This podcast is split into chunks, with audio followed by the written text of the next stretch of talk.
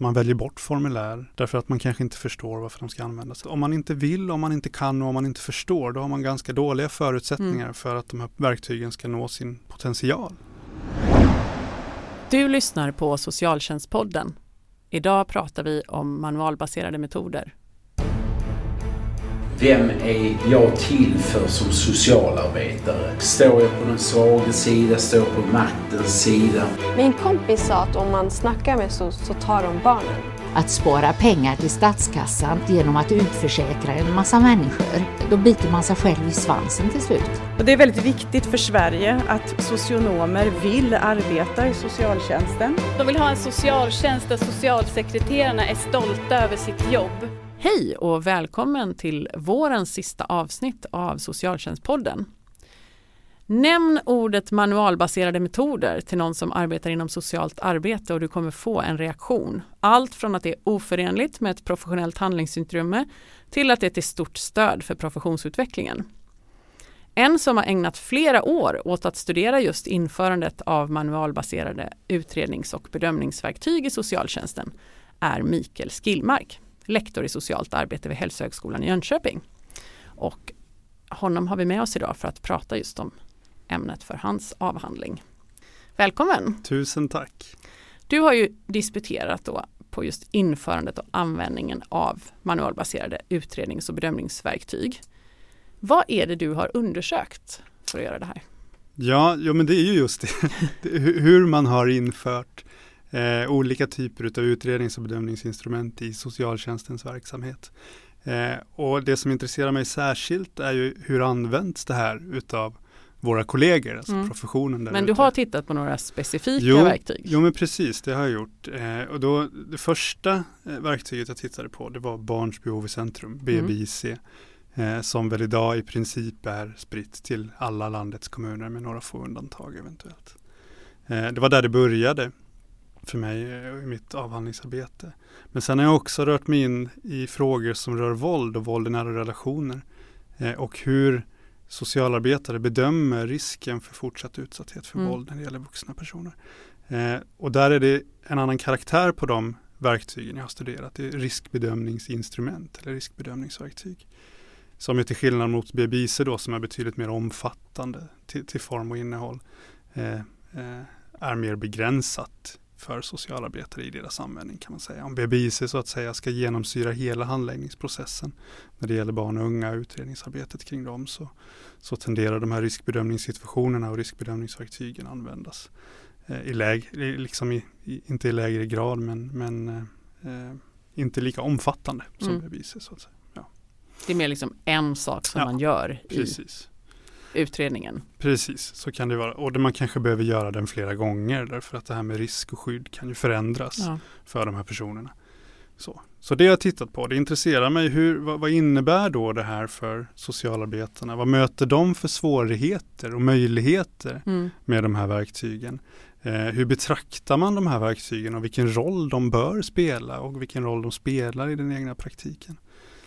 Eh, så ett sätt att närma sig det som jag har gjort är att jag har pratat med socialarbetare. Jag har funnits med i liksom lokalerna och intervjuat dem och, och ställt frågor och reflekterat tillsammans med dem många gånger. Men när du säger följt med, då har du också liksom observerat när de gör? Ja, precis. När det gäller våld i nära relationer så har jag funnits med innan och efter okay. de har gjort de här riskbedömningarna. Jag har inte suttit med i rummet.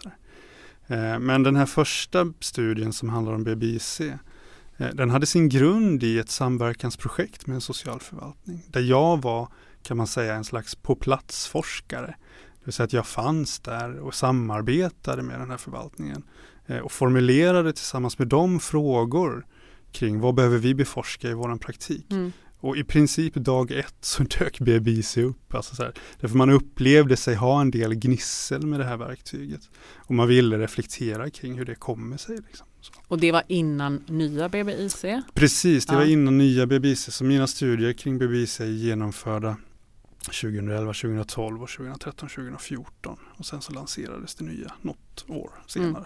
Sådär. Jo men så är det. Mm. Och just BBIC, där har ju fördelarna som lyfts fram är att utredningar blir mer lika. Eh, att alla viktiga delar av ett barns liv kommer med så man inte missar någonting. Och samtidigt så anses det ju ha bidragit till att öka den administrativa bördan inom myndighetsutövning av barn och unga. Vad är din bild av det? Jag, jag känner igen bägge berättelserna Ja. eh, eh, i mina möten med socialarbetare. Men, men också från min egen yrkesverksamhet. Jag har ju faktiskt jobbat som socialsekreterare med det här verktyget också. Eh, de allra, allra flesta är, som jag pratar med, är överens om idén bakom den här tilltagande standardiseringen. Mm. Att den faktiskt kan bidra med någonting eh, visavi brukarna. Att det kan, de variationer som tidigare uppmärksammats när det gäller utrednings och bedömningsarbete är inte försvarbara. Liksom. Vi behöver någonting som kan hjälpa oss med det. Problemet som man också ser är ju att i den kommunala socialtjänsten, individ och familjeomsorgen, så, så finns det en risk att BBIC snarare än att vara behjälplig riskerar att tynga arbetet om det inte finns rimliga, vettiga resurser och förutsättningar att faktiskt arbeta med det här. En person som jag intervjuade, han sa något i stil med att ja, BBIC fungerar bra under goda villkor, Mm. men blir ett sänke under dåliga förhållanden. Eh, och det tycker jag att jag stött på hos många. Så. I stressade situationer, när ärendebelastningen är hög, eh, om jag inte har tid för reflektion, forum för reflektion, om jag inte får det stöd jag behöver av mina kollegor, av ledare inom socialtjänsten, så tenderar det bli så att jag behöver ta genvägar eller att jag kanske till och med behöver strunta i att använda vissa utav de formulär eller de Mm. mallar som, som liksom är knutna till det här verktyget. Och då finns ju en risk, nämligen att, att den potential som faktiskt finns i de här systemen riskerar att gå förlorad om vi inte använder dem som det är tänkt eller om vi inte ges förutsättningar att använda dem som det är tänkt i alla fall. Och då är det så, då, finns, då har vi både det här, tänker jag, ja men man ser en potential att Mm. det kan bli en mer likvärdighet, en ökad rättssäkerhet. Vi kanske genom att faktiskt beakta de centrala behovsområden som finns kan eh, få en bättre bild av de brukare som vi träffar. Men om jag inte får de resurserna, om jag inte har resurserna nog att arbeta med detta, ja då finns det då en risk att, att vi inte når upp till den, Mm. till den ambitionen. Så jag tror att bägge bilderna stämmer, eh, som, som du frågar efter. Eh, Men sen tänker jag också att det har ju också lyfts fram att BBIC gör att socialtjänsten utreder mer än vad som är nödvändigt. Ja, Att man, och, och att det där har funnits, nej men man ska ju liksom lämna de områden som man, det finns den professionella handlingsutrymmet att är, no, är ett område eller några frågor inte relevanta då ska man inte fråga om det. mm.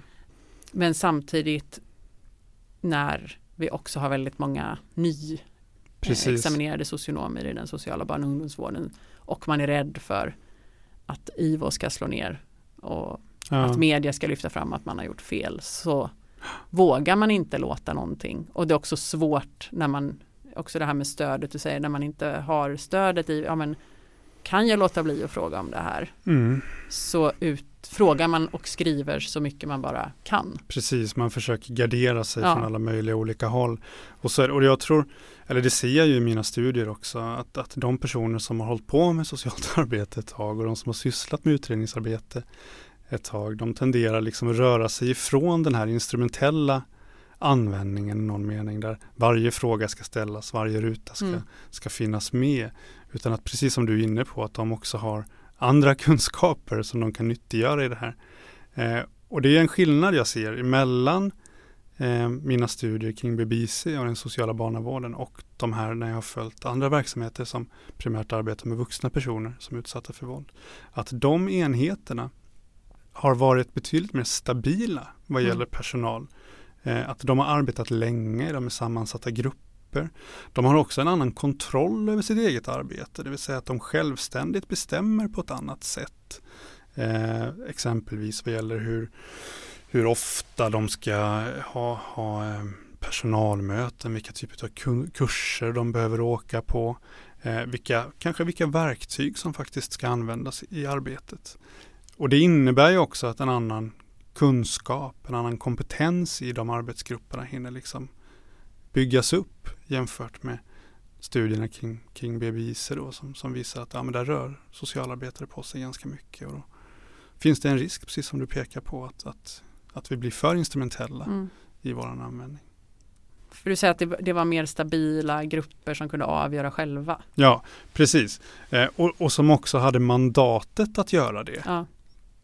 Från ledning och sådär. De var liksom experter på, eller de är experter på sitt, på sitt område. Det är de som, det är inte cheferna som fattar beslut om vilka verktyg, vilka, vilka instrument som ska användas, utan det är de som gör de bedömningarna. Så. Så här är ju en skillnad då i hur liksom man använder, men vad har du sett för skillnader mellan just den här själva implementeringen av utrednings och bedömningsverktygen? När det gäller våld i nära relationer så de två verksamheter som jag följde eh, de, och de personal som arbetade där, de byggde ju självständigt upp sina verksamheter. Eh, frå, från scratch i, i princip. De fick ett uppdrag att nu måste vi jobba bättre med den här målgruppen. Eh, och det fanns också statliga medel som man liksom kunde söka och få ta del av för att utveckla den verksamheten. Så det de gjorde var att de skannade ju liksom av fältet och Mm. funderade på vad, hur jobbar andra personer? Vad kan vara lämpligt för oss här i den här kommunen och på den här enheten? Eh, vad gäller metoder, eh, bedömningsverktyg och så vidare. Så de har ju haft en helt annan kan man säga möjlighet att själv, själva styra upp arbetet på enheten. När jag gjorde min BBIC-studie så hade ju BBIC varit i, i, de här kommunerna i en fem, sex, sju år. Eh, och kommer man som socialarbetare och börjar arbeta där så har man inte så mycket annat val än att Nej. faktiskt arbeta med det här verktyget. Det är till syvende och sist inte ens socialarbetarna som fattar beslut om det är det som ska användas eller inte utan det, det genomförs via den här eh, skrivningen med Socialstyrelsen Mm. då, som, som ytterst är socialnämnden som ska signera. Liksom. Så, ja. Så att eh, mer att det var liksom kom från socialarbetarna själva att det här Ja. är de verktygen som vi tycker verkar bra Precis. som vi vill införa. Ja men gör det. Ja, och, och hur ska vi bete oss när vi ska arbeta med de våldsutsatta Mm. kvinnorna, som det ofta är. Eh, vi- vilka instrument, vilka verktyg är centrala för oss? Vad har tidigare forskning visat? Där Mm. fungerade verktyg här. Sen har ju Socialstyrelsen till exempel också liksom presenterat förslag på hur man ska arbeta här. Eh, eller hur man kan arbeta. Och lanserat det här freda bedömningsmetoder. Som ju också är väl spritt nu till, till landets kommuner. Men det är inte riktigt samma det här ska ni Nej, som BBIC precis. är. Nej, nej, nej, men verkligen inte. Och, och tittar man på kraven som ställs för att få arbeta med BBIC så bakom den grundutbildningen, bakom utbildningen utav BBIC-utbildare, de här lokala personerna, står ju Socialstyrelsen så- som ju självfallet har idéer kring hur det bör fungera. Mm. Mm. Vad, vad krävs för att manualbaserade metoder ska bli bra för yrkesverksamma och kanske även för de för brukarna som behöver svara på alla frågor och kanske skatta och sådär. Ja, jo, och jag var inne på det tidigare. Jag, jag tror att, eh, eller från implementeringsforskning så vet Mm. vi ju att, att vi behöver ha kunnande, kompetenser, förutsättningar för att använda de här verktygen. Vi behöver ha forum för kritisk reflektion över verktygens innehåll men också hur vi i vår enhet, vår praktik använder dem. Vi behöver också först- förstå varför de ska användas, Mm. det vill säga vad förväntas de bidra med och på vilket sätt kan de, kan de bidra till det arbetet som vi bedriver här. Och vi måste såklart vilja göra det där- därför att det, det är en praktik där, där socialarbetare i mötet med brukarna eh, behöver liksom kunna anpassa och ku- kunna förhålla sig till den de har framför sig. Och socialarbetare har ju ett handlingsutrymme att, som i min studie visar, att man väljer bort formulär därför att man kanske inte förstår varför de ska användas eller man Mm. vill inte använda dem därför, av olika skäl. Och det kan Så- vara både bra och dåligt låter det som också. Ja, så, så min poäng är att om man inte vill, om man inte kan och om man inte förstår, då har man ganska dåliga förutsättningar Mm. för att de här verktygen ska nå sin potential i, i kommunerna. Tänker jag. Så det är lite som grunden. Att Ja, förstå ja men absolut. varför och, kun, och ha kunskapen till att kunna göra det. Ja, ja, men visst är det så.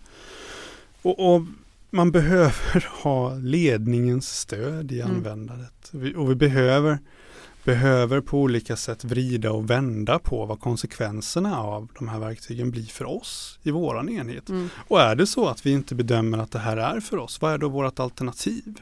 Att man kan formulera det Mm. alternativet också.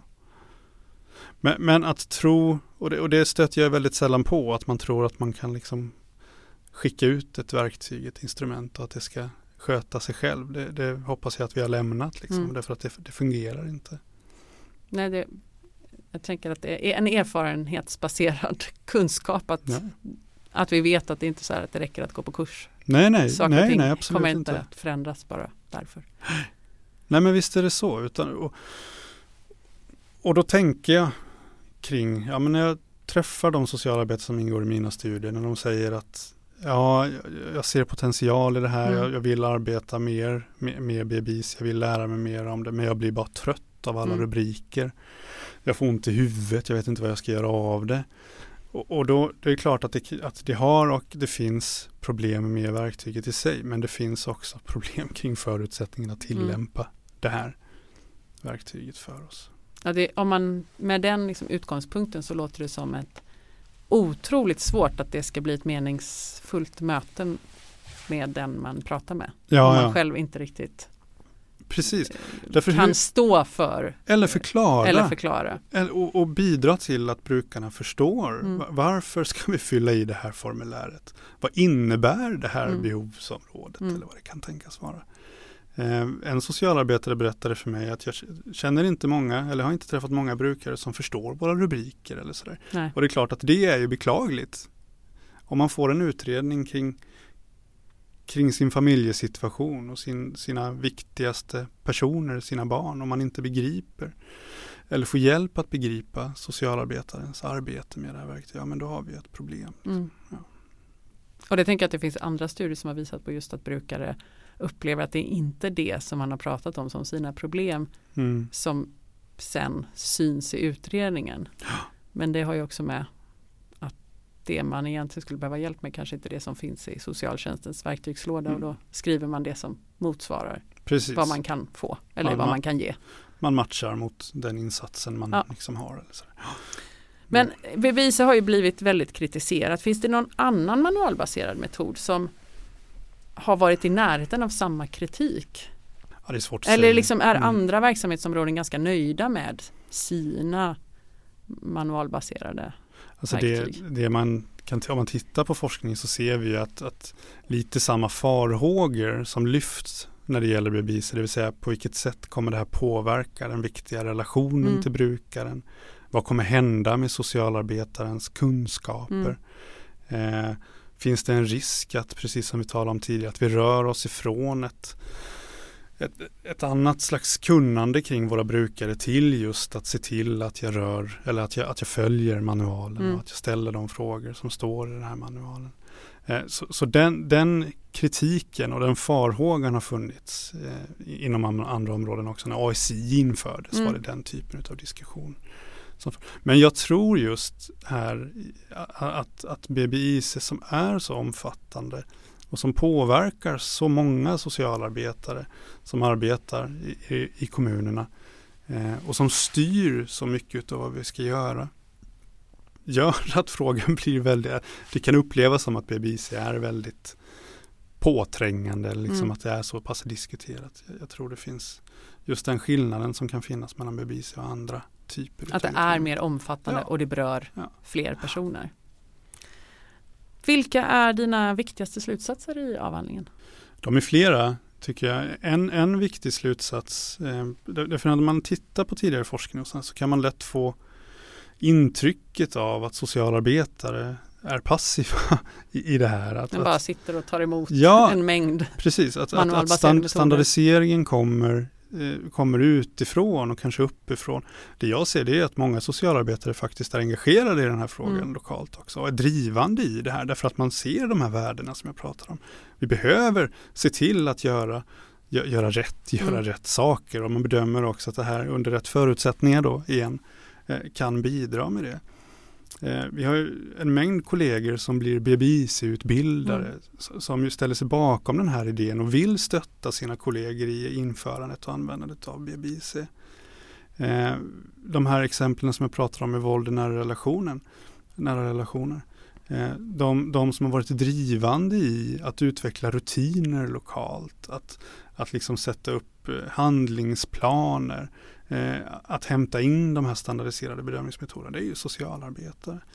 Så den här bilden som ibland presenterats av att, att det är chefer och liksom andra som, som lokalt driver på eller till och med piskar på mm. så, som man ibland kan få. Ja, ja, ja men det, den bilden delar ju inte riktigt. En annan, en annan bild är att det är Socialstyrelsen som har piskat på allt. Ja, ja men precis och sen så har ju de i sin tur fått uppdrag någonstans ifrån mm. också. Så är det ju och det är klart att Socialstyrelsen är en väldigt viktig aktör i det här. Eh, inte minst för att man, man, man liksom är med och utvecklar och är med och för ut det här och utbildar och utbildar och så vidare. Men, men, jag ser ju att, att det finns liksom någon slags samspel mellan den lokala nivån och den nationella mm. nivån i det här också. Så det, det, är en viktig slutsats och jag tror det är viktigt att, att liksom betona det också att, att det finns professionen finns med här också och diskuterar det här och tar sig an de här frågorna lokalt också. Men, men sen så tycker jag också att det är väldigt viktigt att betona och det försöker jag göra i alla sammanhang jag är ute i. Det vill säga om kollegorna inte får vettiga resurser så kommer vi se att den användningen tenderar att bli någon mer bocka av eller mm. liksom instrumentell användning av de här verktygen. Eh, där man på olika sätt, flera sådana exempel som där socialarbetare berättar om, ja jag hinner inte med det jag ska göra så nu klipper jag ihop den här utredningen utifrån någonting jag har gjort tidigare. Liksom, mm. syrrans eller brorsans mm. utredning så tar det. Och det kanske inte är helt, helt bra liksom, men vi kommer göra det bästa vi kan utifrån de förutsättningarna mm. vi har. Ja men jag tänker att den situationen hade vi kunnat ha utan att man tar genvägar genom att kopiera formuleringar i tidigare utredningar kan vi ju lika gärna ha om vi har för dåligt med tid utan Jo, jo, jo men absolut. Men det man det säger här är att den, de alla de här formulären, det här pappersarbetet mm. som kommer eh, tenderar att piska på det då eller i någon mening ja. liksom förstärka den typen av beteenden. Skulle man kunna säga. Mm. Men sen tycker jag också det är intressant att du lyfter fram att det också varit för många är det här ett sätt att få professionsutveckling, att få ja. vidareutbilda sig inom på arbetstid som kanske inte alltid är så tillgängligt inom socialtjänsten. Eh, att, att, få åka, ja. ja. att få åka, att få bilda olika typer av nätverk. Eh, men också att liksom eh, tycker jag man har sett att det, liksom, det har också blivit ett sätt att kunna göra vissa alternativa karriärvägar. Att ja. bli metodstödjare eller ja, BBIC-utbildare på deltid. Eller att liksom få göra någonting annat än ja. bara eh, det vanliga klientarbetet. Ja. Jo men så är det ju och en av mina studier handlar just om BBIC-utbildare och de, flera av dem talar just om det där. Dels så, så finns det en drivkraft att bli det precis som du säger, ja, men det betyder att jag får åka regionala nätverksträffar, jag får lära mig mer, men jag får också handleda mina kollegor mm. kring det här. Och att det, den, liksom, det mötet med kollegor och få vara viktig för dem lokalt i, i den egna verksamheten är väldigt betydelsefull. Liksom. Eh, när det gäller våld i nära relationer och de verksamheter som jag tittade på där, så har ju införandet av bedömningsverktyg, de är ju liksom experter mm. på det här det är de som utbildar sin, sina kollegor. Det är de som kan våld i nära relationer och har kunskapen kring det lokalt. Vilket ju också betyder att de har mer att säga till om när det mm. gäller hur verksamheten ska organiseras och hur man bör arbeta så att säga. Men, men sen också när det gäller BBIS-utbildarna då så, så, är om, om en drivkraft är att kunna vara en del av de här nätverken och kunna stötta sina sina kollegor dagligen så är en annan drivkraft också att förbättra det sociala mm. arbetet. Att de betraktar det här verktyget som ett sätt att faktiskt göra det. Det som jag tycker är intressant är ju att, att, att för om vi utgår ifrån att deras roll är väldigt betydelsefull så tror jag vi behöver mer studier på hur gör de då? Mm.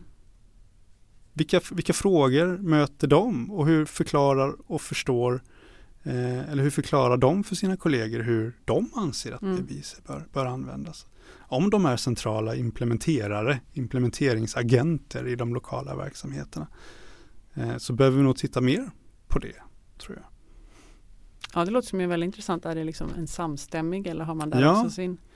Precis. Och, och det, Olika tolkningar beroende på. Ja, och, och vilka rationaler använder man för, för att hjälpa sina kollegor att förstå Mm. eh, de här verktygen? Eh, några pratar om Ja men det, om, vi, om vi använder BBC så uppfyller vi lagens intentioner. Någon annan sa att cheferna har berättat att vi ska använda det här. Mm. Och så kanske det finns andra rationaler också. Det vill säga att man berättar på vilket sätt kan det här stötta dig och hjälpa brukare Mm. snarare än att, ja, än att vara ett sätt att bara göra det någon annan säger. Eller så. Ja. Och jag tror att det spelar ganska stor roll för hur nya kollegor som kommer ut och möter det här kommer förhålla sig till det och kommer, kommer liksom använda verktyget. Min bild är att bland forskare i socialt arbete så finns det en stor kritik av standardisering och samtidigt så, så tycker praktiker precis som du har berättat här att, att det är till hjälp, att det finns liksom ett behov av att kunna beskriva någonting konkret enligt ett visst eh, ja, ett, ett standardiserat instrument för att liksom kunna förklara för politiker och andra att varför gör vi de här bedömningarna. Vad, vad tänker du som forskare om, om det? Vad har du fått för, för respons från andra forskare om ja, dina slutsatser? Jag, jag tänker att eh, precis som med så mycket annat så, så finns det liksom en, en bredd av röster i det här. Eh, där, där jag tror att många delar bedömningen kring att ska det här bli en vettig praktik för socialarbetare, ja då behöver de kanske mer stöd och mer Mm. förutsättningar för att arbeta med det. Eh, ingen som har kommenterat mina studier eh, har, har ju liksom sagt att nu skrotar vi det här totalt och liksom kastar det över bord och, och börjar om från scratch. Mm. Liksom, utan snarare att ja, det finns goda idéer med det här, men vi måste på, på olika sätt eh, kämpa för att, att man får schyssta förutsättningar att tillämpa dem. Liksom. Vi måste ha en organisation som stöttar oss i arbetet med, med att använda de här verktygen. Precis som med andra metoder Mm. som, som vi använder. Det, det är klart att vi kan ha hur goda idéer som helst och hur liksom välutvecklade metoder och arbetssätt som helst. Men om vi inte får schyssta förutsättningar då kommer de inte komma till sin rätt. Nej, men jag tänker för nu pratar vi bara om instrument som på något sätt hjälper oss i utredningen att ta reda på behov Mm. eller ta reda på risker så att vi vet. Men sen har vi ju hela vad har vi för insatser att Ja. sätta till Precis. som har väldigt olika kostnader. Så är det ju. Och om det inte finns några pengar till insatser så kan vi Nej. göra väldigt bra utredningar. Precis, och man, man bör ju ha ett par att välja emellan ändå tänker jag. Ja, gärna. Eh, det, det såg jag också i, i en av mina studier. Där man, ja, men nu gör vi en gedigen BBIS-utredning Mm. och arbetar länge. Eh, och sen så kommer vi fram till vilka behov den här personen har. Och så försöker vi matcha de behoven med ja, men till exempel ett familjehem. Men så har man ett att välja på. Liksom. Så, så att matchningen i någon mening faller där. Liksom. Mm. Ja, vi har gjort en jättegedigen utredning som är bra på många sätt och kan användas på många sätt. Men det enda vi har att ge är Men det enda vi har att ge det är A. Liksom. Ja. Vi har inte B, C och D utan vi har A. Sådär, ja. Och det är klart att det är men precis som du pekar på att de, de förutsättningarna kommer ju också krävas. Liksom. För det är ju väl, det tänker jag är mer en kritisk debatt som vi kanske skulle behöva ha mer av mer än att säga att eh, manualbaserade utredningsinstrument är jättedåliga utan mera varför ska vi utreda så mycket om vi har en eller två Ja. saker. Eh, Ja, men jag delar den bedömningen. Sen blir får vi ju se då om, om det, det blir mer möjligt för kommunerna att ge insatser utan biståndsbedömning. Precis. Vad händer då? Vi får se när de återkommer med de förslagen. Precis. De har väl ett år på sig. Eh, ja, ett år till. Ja. Vad, med tanke på det här att, att många praktiker ser arbetet med implementering och, och liksom att bli utbildare och så som ett sätt att utvecklas i sin profession. Vad har du fått för respons från dem som, har, ja, som du har presenterat avhandlingen för och som också har varit med i och, blivit studerade? Det är alltid glädjande när folk nickar och känner igen sig. Ja, Och det har jag mött mycket. Eh, Jag märker ett par sådana nyckelord som jag brukar lyfta fram som folk känner igen sig väl i. Nå- någon person jag intervjuade pratar om eh, rubrikträsket. Ja. Och det, då, då är det precis som du gör nu så börjar folk skratta därför att man, man liksom kan begripliggöra det. Och det men, men det de flesta återkommer till, det är just det som jag står, som jag har sagt så många gånger nu. Ja, vi vill göra det här, men Mm. på vilket sätt kan vi få bättre förutsättningar för Mm. att få det gjort? Liksom. Så det, det, det tåls att upprepas om och om igen. Vi behöver ha, ha, ha villkor för att de ska komma till sin rätt. Och det finns ju, det, det finns ju, det har ju förts en diskussion ett tag nu kring hur vi ska liksom ge professionen mer handlingsutrymme.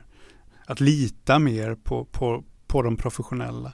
Och i den diskussionen så har ju det här med resurser också förts. Och läser man den här tillitsutredningen så står det att, att det inte nödvändigtvis behöver vara så att det behöver till mer resurser. Och då blir jag lite så, ja, jo det kanske det visst gör. Liksom. Mm. Det kanske inte bara handlar om att stuva om eller på olika sätt försöka liksom, ja, effektivisera om och om och om igen. Liksom, utan att ja, socialt arbete kräver resurser. Ja, och det handlar väl också om hur mycket beroende på då hur mycket tid ska vi för man kan ju säga att om, om vi ger mer utan utredning Ja. till de som mera ansöker då kan vi ju lägga mer resurser på motivering och utredning av de som mer blir anmälda. Så ja, det skulle man ju kunna säga en viss tillit då att vi har tillit till att de människorna som söker hjälp Ja, eh, kan bedöma själva att de behöver hjälp. ja, precis. Så att de då inte behöver bli bedömda på, på samma sätt. Utan, de kan gå direkt till familjebehandling. Ja, vi Utan har tillit för ut- våra brukare också. Ja. Liksom. Ja. Så vad säger du då? Är standardiseringen toppstyrd av professionalisering eller är det mer en professionsutveckling? Eller är det något av, det låter mer som att vi kanske är i båda två. Det beror på, ja, är, är väl svaret, tänker jag. I de situationer, under de förutsättningarna, när bedömnings och utredningssystem används på ett instrumentellt sätt, där det inte finns förutsättningar att också nyttja annat kunnande, då finns risken att vi rör oss emot det du kallar för deprofessionalisering. I ett samhälle som det finns ett sånt ganska klassiskt exempel nu från Australien, mm, där man införde bedömningsverktyg och samtidigt då tänkte att ja, då kanske vi inte behöver professionella med klinisk, kliniskt kunnande och kompetens. Så ser man att det gick inte särskilt bra utan vi behöver, ja, bedömningsinstrument kan vi visa perspektiv, kan få oss att upptäcka saker som, som vi kan få stöd i att upptäcka som vi kanske inte hade gjort annars. Men förutsättningen är också kompetenta, kritiskt tänkande Mm. socialarbetare. Och givet att, att de förutsättningarna finns, givet att den, den, den kunskapen också är och fortsätter betraktas vara värdefull, ja då ser jag bedömningsverktyg och utredningssystemen som, som ett bidrag till att stärka professionen. Blir bedömningarna bättre, blir utredningarna bättre, blir matchningen med insatsen bättre, ja då finns det goda skäl att fundera på om det inte också stärker oss som, Mm. som profession. men det är inte den enda pusselbiten. Utan det måste liksom till förutsättningar Ja, ja, ja. och någonting att matcha mot. Ja, absolut. Sen tänker jag som brukare också att vad, hur upplever jag den här situationen om det är någon som mer bara Ja. eller jag kanske kan fylla i det själv. Man, alltså det, för, för så är det ju, det, här, de, de behöver ju professionella, de här verktygen, Ja. för att fungera. Och man kan ju använda det på många olika sätt, precis som med en hammare så kan du både bygga och riva hus i någon mening. Ja. Liksom. Det, det krävs att, att vi har kompetenta, duktiga socialarbetare så, som håller i de här verktygen, som arbetar med Mm. dem. Som, återigen, se till att, att, att kollegor och brukare förstår varför. Liksom. Vad, ska de, vad ska de fylla för funktion Mm. för oss? Hur ser du på framtiden då? Går vi mot ett fortsatt fokus på manualer eller tror du att vi är på väg mot ett mer friare arbetssätt? Jag hoppas och tror att, att vi eh, har lämnat bakom oss bilden av att det är lösningen på, på, på alla problem. Ja. Nej, nej, men utan snarare att ja, men på vilket sätt kan de, kan de bidra Mm. till oss? Och vilka andra kunskaper och förutsättningar behöver vi för att det ska bli bra? Mm. Liksom? Eh, jag tror det finns alldeles för mycket forskning som pekar på just riskerna med att, att pumpa ut eller liksom införa manualer eh, oreflekterat i någon mening för, för att vi inte ska begripa det. Liksom, så.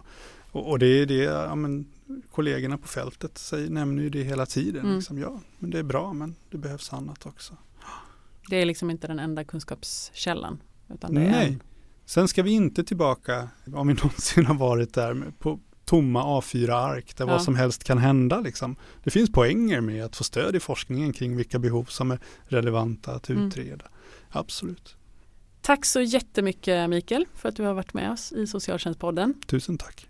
Och eh, jag hoppas att det, jag tänker att den här podden även kan, även lyssnare som jobbar utanför socialtjänsten som också använder manualbaserade metoder kan ha nytta av dina tankar. Och Socialtjänstpodden är tillbaka i höst igen och ni får väldigt gärna tipsa om nya ämnen att ta upp, antingen via mail eller sociala medier. Ha en skön sommar och tack för att du har lyssnat.